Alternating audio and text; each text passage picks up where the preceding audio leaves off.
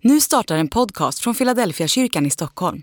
Om du vill komma i kontakt med oss, skriv gärna ett mejl till hejfiladelfiakyrkan.se. Jag ska läsa en eh, bibeltext från första Mosebok, det första kapitlet.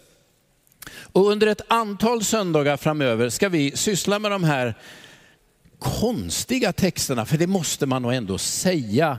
Om man är, är, är en eh, uppvuxen i, i sekulära Sverige 20, 2020 någon gång, att de här texterna ur första Moseboks första kapitel, de är svåra att ta sig an. Men när man ger sig in i de där berättelserna så menar jag att de har mycket mer kloka saker att säga till oss än vi kanske är medvetna om. Så ett antal söndagar nu i september, två stycken och så in i oktober, då kommer ni att få de här lite svårsmälta pillrena från första Moseboks första kapitel om talande ormar, om frukter man inte får äta, om träd som kan ge liv. Ni vet, det är ju speciella berättelser. Ni kommer att få dem lästa och varje söndag kommer vi att ta er igenom någon av de här berättelserna. Och lyssna nu, de är så mycket bättre än man kanske tänker. Det tar lite tid att jobba sig igenom det, men jag skulle varmt rekommendera det. Jag vill också säga att de här söndagarna, även om nu bibeltexterna tillhör det svårsmälta, så är innehållet absolut lämpligt för precis vem som helst. Det är en allmänmänsklig klokskap inbyggd i de här berättelserna. Så om du tänker, när ska jag, om jag har någon släkting eller vän som är lite intresserad av att följa med, då skulle jag säga hela september och oktober, det är ju alldeles utmärkt att ta med den som inte är så van vid kyrkliga sammanhang och ändå få någonting med sig som man kan ha nytta av. Innan jag nu läser så vill jag bara göra en, en pålysning till. Om jag, jag, gick runt och hälsade lite innan, jag tycker det är härligt att göra det. Var det någon som sa till mig, ja, jag är lite nybörjare i det här. Om man nu tänker att jag är lite ny i kyrkan, jag har inte riktigt koll på alla grejer och vad är det ni sjunger och varför gör man så här och hur går det till? Då har vi något vi kallar alfakurs. Alfa är första bokstaven i grekiska alfabetet. Ni vet en introduktionskurs i kristen tro. Där man får några pusselbitar om det som är centralt i kristen tro, får äta någonting gott tillsammans och så har man chans att processa det här i små samtalsgrupper.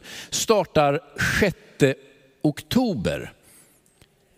4 oktober, se där, ni är med, ni ser ju på skärmarna. 4 oktober, och det är någonting jag varmt vill rekommendera eh, att ta sig igenom. Om du vill veta mer om kristen tro eller har någon i din bekantskapskrets som är nyfiken och ställer lite frågor. Man hinner ju inte alltid få ihop det här själv. Det där är ett jättebra, jättebra tillfälle att få processa kristen tro. Jag har lett ett antal sådana där kurser genom livet och jag vet vid något tillfälle var det någon som sa detta är det bästa jag varit med om. För det här har bara handlat om mig. Inte hur jag ska bli bättre för min arbetsgivare, bara för min egen skull. Så jag vill varmt rekommendera det här. Ett skönt tillfälle mitt i veckan att få tala om frågor som är jätteangelägna i en miljö som är väldigt trevlig. Men nu hörni, ska vi ge oss in i första Moseboks första kapitel, möjligen ganska välkända ord, inledningen på hela Bibeln. I begynnelsen skapade Gud himmel och jord. Och jorden var öde och tom.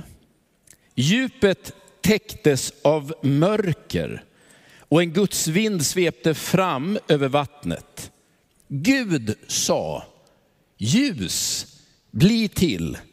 Och ljuset blev till. Gud såg att ljuset var gott och han skilde ljuset från mörkret. Gud kallade ljuset dag och mörkret kallade han natt. Det blev kväll och det blev morgon. Det var den första dagen. Detta är ju inledningen på skapelseberättelsen. Och jag som en gång för länge, länge sedan gick fyraårig teknisk, eller naturteknisk var det.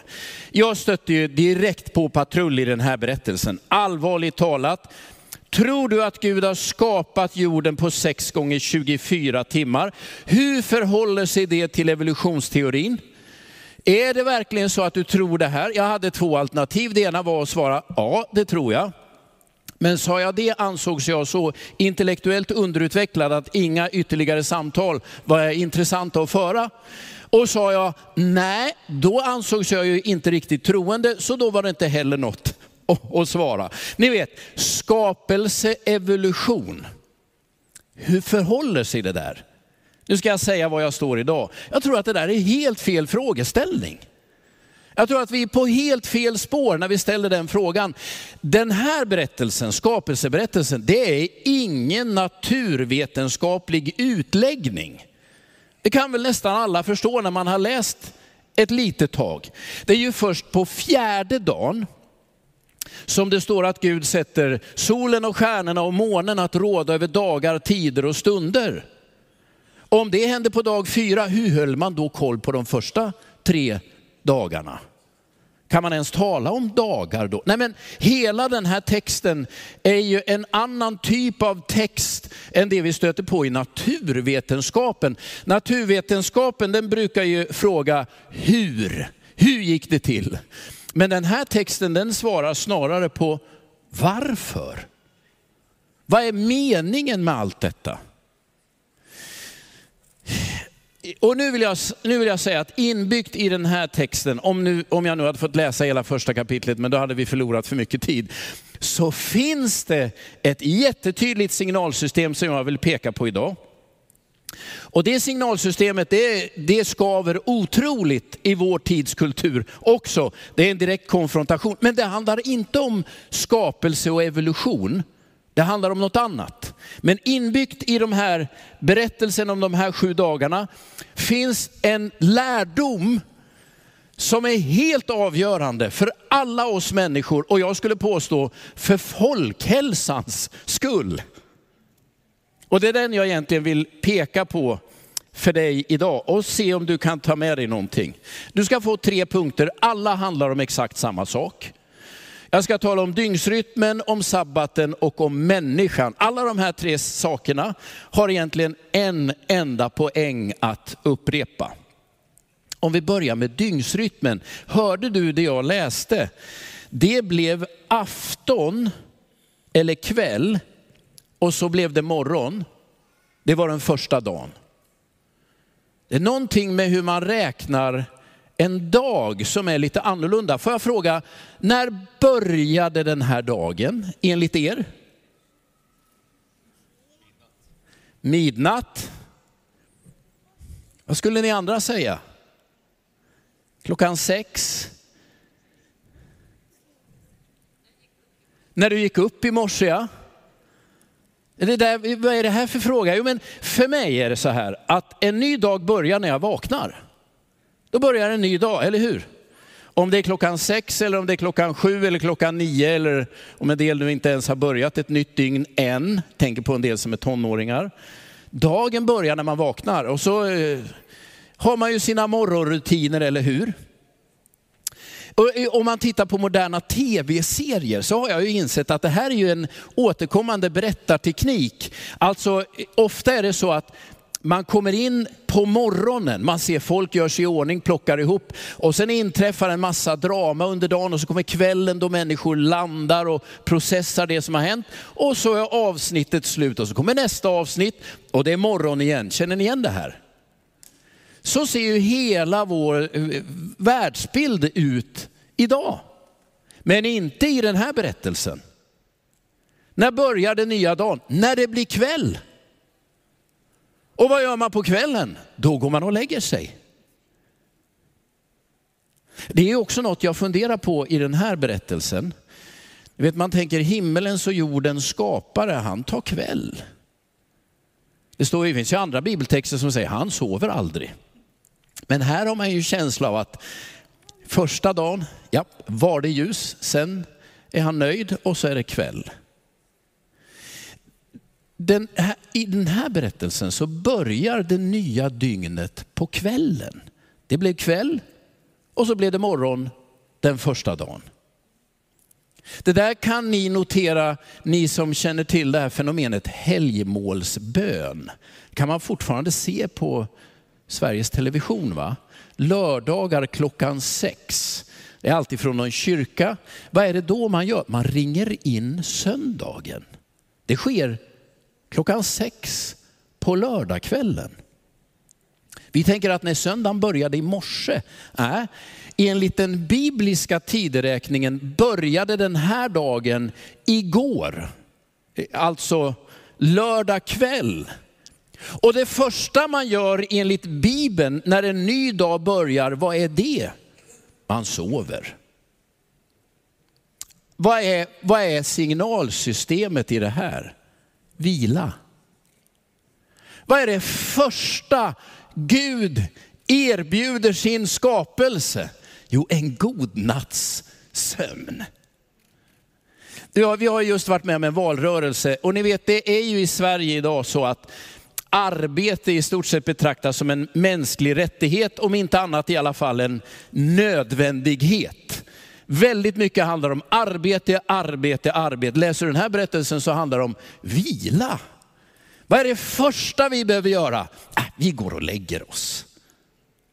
Inbyggt i den här berättelsen, alla sju skapelsedagar, samma sak. Det blev kväll. Vad gör vi på kvällen? Ingenting. Vad gör Gud på kvällen? Ingenting heller. Vad är signalen till oss människor i den här berättelsen? Jo, om vi tror att det finns en Gud som har skapat himmel och jord, så det första denna Gud erbjuder oss, vila. Släpp taget. Gå och lägg dig. Det är lite i konflikt med hur vi ser på världen. Ni vet, vi arbetar oss i regel fram till vilan. Alltså nu måste vi göra det här. Veckan börjar på måndagen, sen kör vi och så har vi förhoppningsvis siktet inställt på helgen. Då ska jag sl slappna av. Det här är precis tvärtom. Det börjar med vila. Vad är det första du måste? Ja, du måste ju koppla av. Och sen, ah, sen kan vi jobba lite, sen kopplar vi av igen. Det är en helt annan världsbild än den vi har här och nu. Och jag skulle påstå med emfas att den bibliska världsbilden vore otroligt mycket mer hälsosam än den vi har nu. Alltså, du arbetar inte för att vila, du vilar för att sen kunna arbeta. Hela den svenska lagstiftningen är ju inställd på vila. När man anställer en ny medarbetare, detta har jag lärt mig, så är det ju så att man har rätt att ta ut semester. Men det måste gå fem år Annars kommer vi att räkna, har du tagit ut mer semester, då kommer vi att räkna av det om du slutar mitt i ett år. För semester är något du måste jobba ihop. Om du börjar i april, då kan du glömma semester den sommaren. Då får du nog jobba ett helt år, sen blir det ledigt. Gud har ordnat universum på ett annat sätt. Det börjar med semester. Koppla av, vila ut. Ja men måste vi inte göra rätt för oss? Jo, men nu är det nog så att om man tror att Gud har skapat universum, himmel och jord och mig och alla förutsättningar, då kan man koppla av. Det är så tydligt i den här berättelsen. Varje dygn går på samma sätt. Vi börjar med att vila. Sen är det ju så med den här, det var min första, dygnsrytmen är värd att notera. Det andra är sabbaten. Läser man den här berättelsen, det är ju sju skapelsedagar. Och, och det slutar med sabbaten.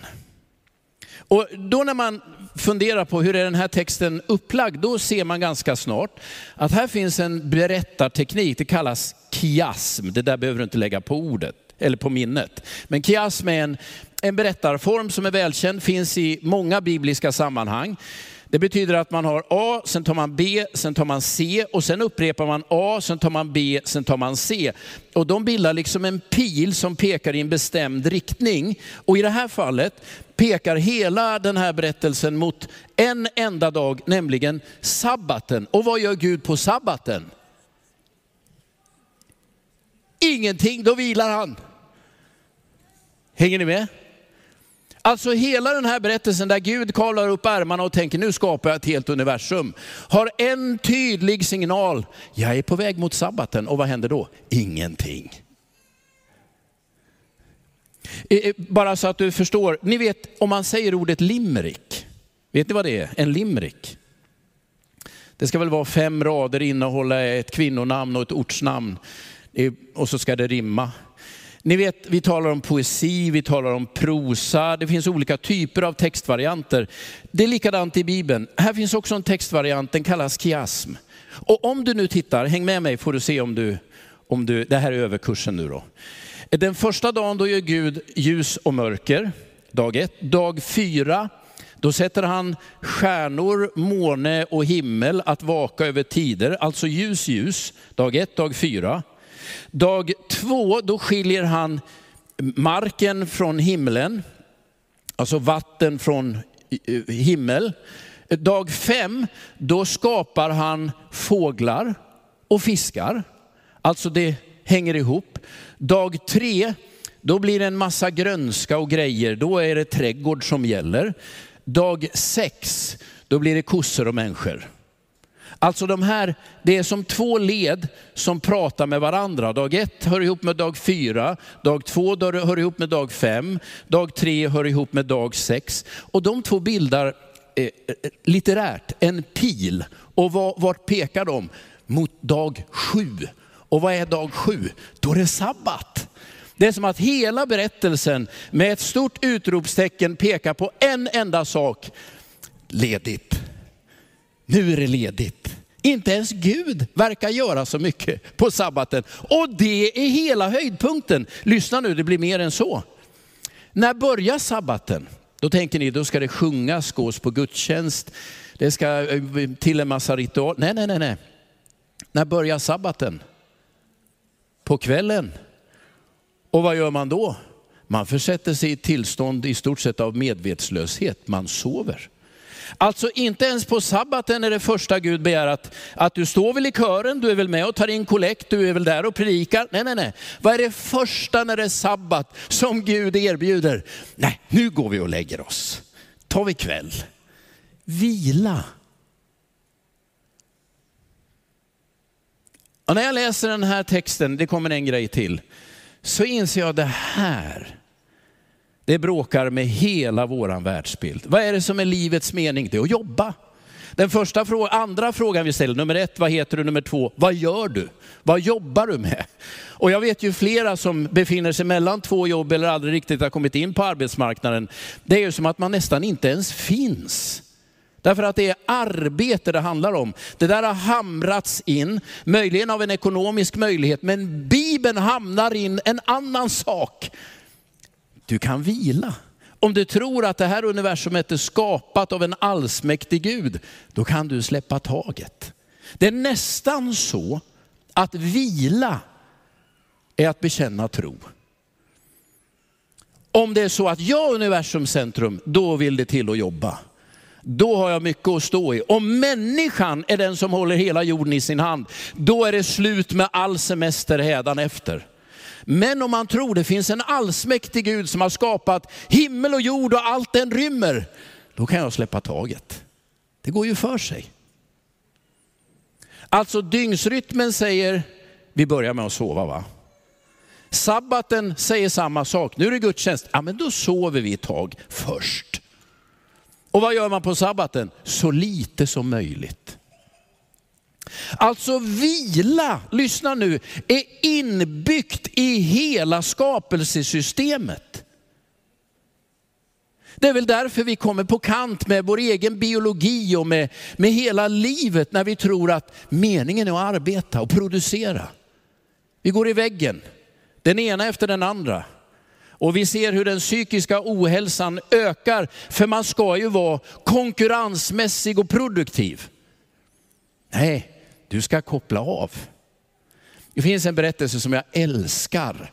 Jag, är, jag, har inte kunnat härleda den här, jag har letat efter den, men jag berättar den och kanske någon kan hjälpa mig på traven. Det sägs då i min version att det var en rabbin, en judisk rabbin som har gjort en sån här nära döden upplevelse.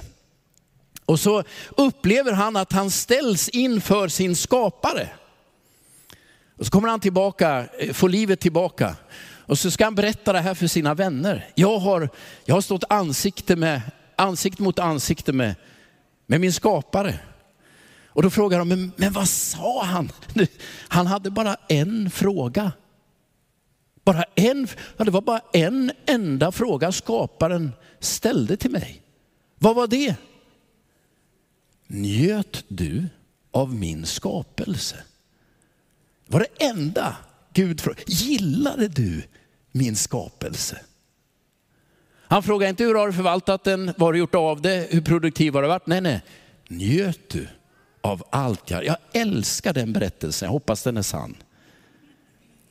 Gud skapar ett universum, en mångfald av allting. Varför? För att du ska kunna njuta av det. Och inbyggt i den här skapelseberättelsen finns så tydligt vilan, inte som slutpunkt, som utgångspunkt. Människans skapelse då, tredje punkten. Eh, människan skapas ju på den sjätte dagen. Och så säger Gud, ni ska råda över himmel och jord och fiskar och kreatur. Det låter som en ganska avancerad arbetsuppgift. Så hur ser första dagen på jobbet ut då? Ja, det är ju sabbat. Alltså här har Gud skapat människan och sagt, ja men du ska ta hand om allt detta. Okej, okay. när börjar vi? Ja men vi börjar med sabbat. Vad gör vi då? Vi går och lägger oss. Och vad gör vi sen? Sen gör vi ingenting. Det är första dagen. Kan det bli mer tydligt? Alltså Gud skapar människan och du är skapad med förmåga att arbeta, med förmåga att vara produktiv och kreativ. Men det man behöver förstå är att det är inte det som ger dig värde och mening. Och därför är det första Gud erbjuder människan, skapa dag sex, kommer dag sju, vad gör vi då? Ingenting. Och hur börjar vi den dagen? Med att sova. Ser ni? När man ger sig in i den här skapelseberättelsen och börjar fundera på vad är det jag ska höra? Vad är det de här författarna vill säga till mig? Så kanske man inte ska hamna i naturvetenskapliga frågor. Det finns någonting ännu mer fundamentalt. Om vi tror att det finns en Gud som har skapat himmel och jord, vad är då uppdraget till mig? Ja, det första det är, du kan vila. Det kan du göra varje dag. Du bör göra det en gång i veckan också. Sen dyker det upp en massa andra högtider och helger. Och det verkar i Bibeln som att det är det man sätter in först. Inte när ska vi jobba och vad ska vi göra, utan när ska vi vila och vad ska vi fira? När vi har bokat in det får vi se om det är några små hål däremellan då vi kan göra någonting också. Det är ju precis tvärt emot hur vi tänker. Nu kommer min slutsats. Vad är för mig, det här är verkligen för mig, vad är det mest befriande med att tro att jag är skapad och att det finns en skapare, att jag är frälst och att jag har en frälsare, att jag har den helige ande med mig? Jo, det är att jag inte behöver bära universum på mina axlar. Jag kan vila jag kan släppa taget. Jag behöver inte lösa alla problem. Jag behöver inte ha svar på alla frågor. Jag måste inte lyckas med allt jag gör. För det ligger i Guds händer. Nu kan någon vän av ordning tänka det där låter väl slappt. Jag inser risken. Men jag uppfattar samtidigt att vi i vår kultur är på väg åt helt fel håll.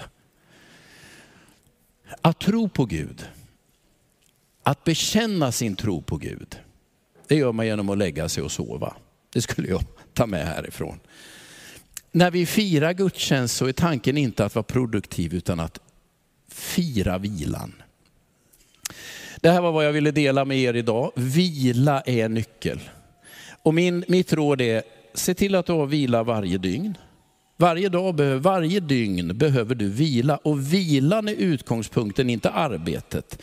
Vila dig in i arbetet. Varje vecka behöver du hitta vila, en tydlig vila då du gör ingenting. Och alla ni som känner, då kryper i kroppen på mig. Jo, för en del av oss är det vilsamt att göra någonting. Men det där att släppa taget, låta någonting bara få passera, det är ett kommando i den här berättelsen. Ja, men måste jag inte hålla ordning på min värld? Nej, själva poängen är att det är någon annan som håller ordning på världen. Nämligen Gud och inte du. Ska vi be tillsammans. Gud vår himmelske far, tack för att du har byggt in vilan i hela tillvaron. Och Herre, du vet att vi är många i det här rummet som har jobbat lite för mycket, lite för länge. Och vi känner en sorts inneboende plikt som hela tiden jagar. Nu ber jag dig att bekännelsen till dig skulle hjälpa oss att våga släppa taget. Om du håller världen i din hand, då behöver inte jag göra det. Om du håller mitt liv i dina händer, då kan jag våga och släppa taget för en stund. Herre, jag vill tacka dig för den välsignelse du har byggt in i den här skapelsen. Att du egentligen har gjort allt detta för att vi ska kunna njuta av det. Och att vila är den kanske viktigaste poäng som hela den här fantastiska berättelsen vill hjälpa oss att se. Herre, jag vill bekänna igen att du är himmelens och jordens skapare. Du är hela världens frälsare. Du är min och alla människors upprätthållare. Hjälp mig att ta de praktiska konsekvenserna av det och kunna koppla av. I Jesu namn. Amen.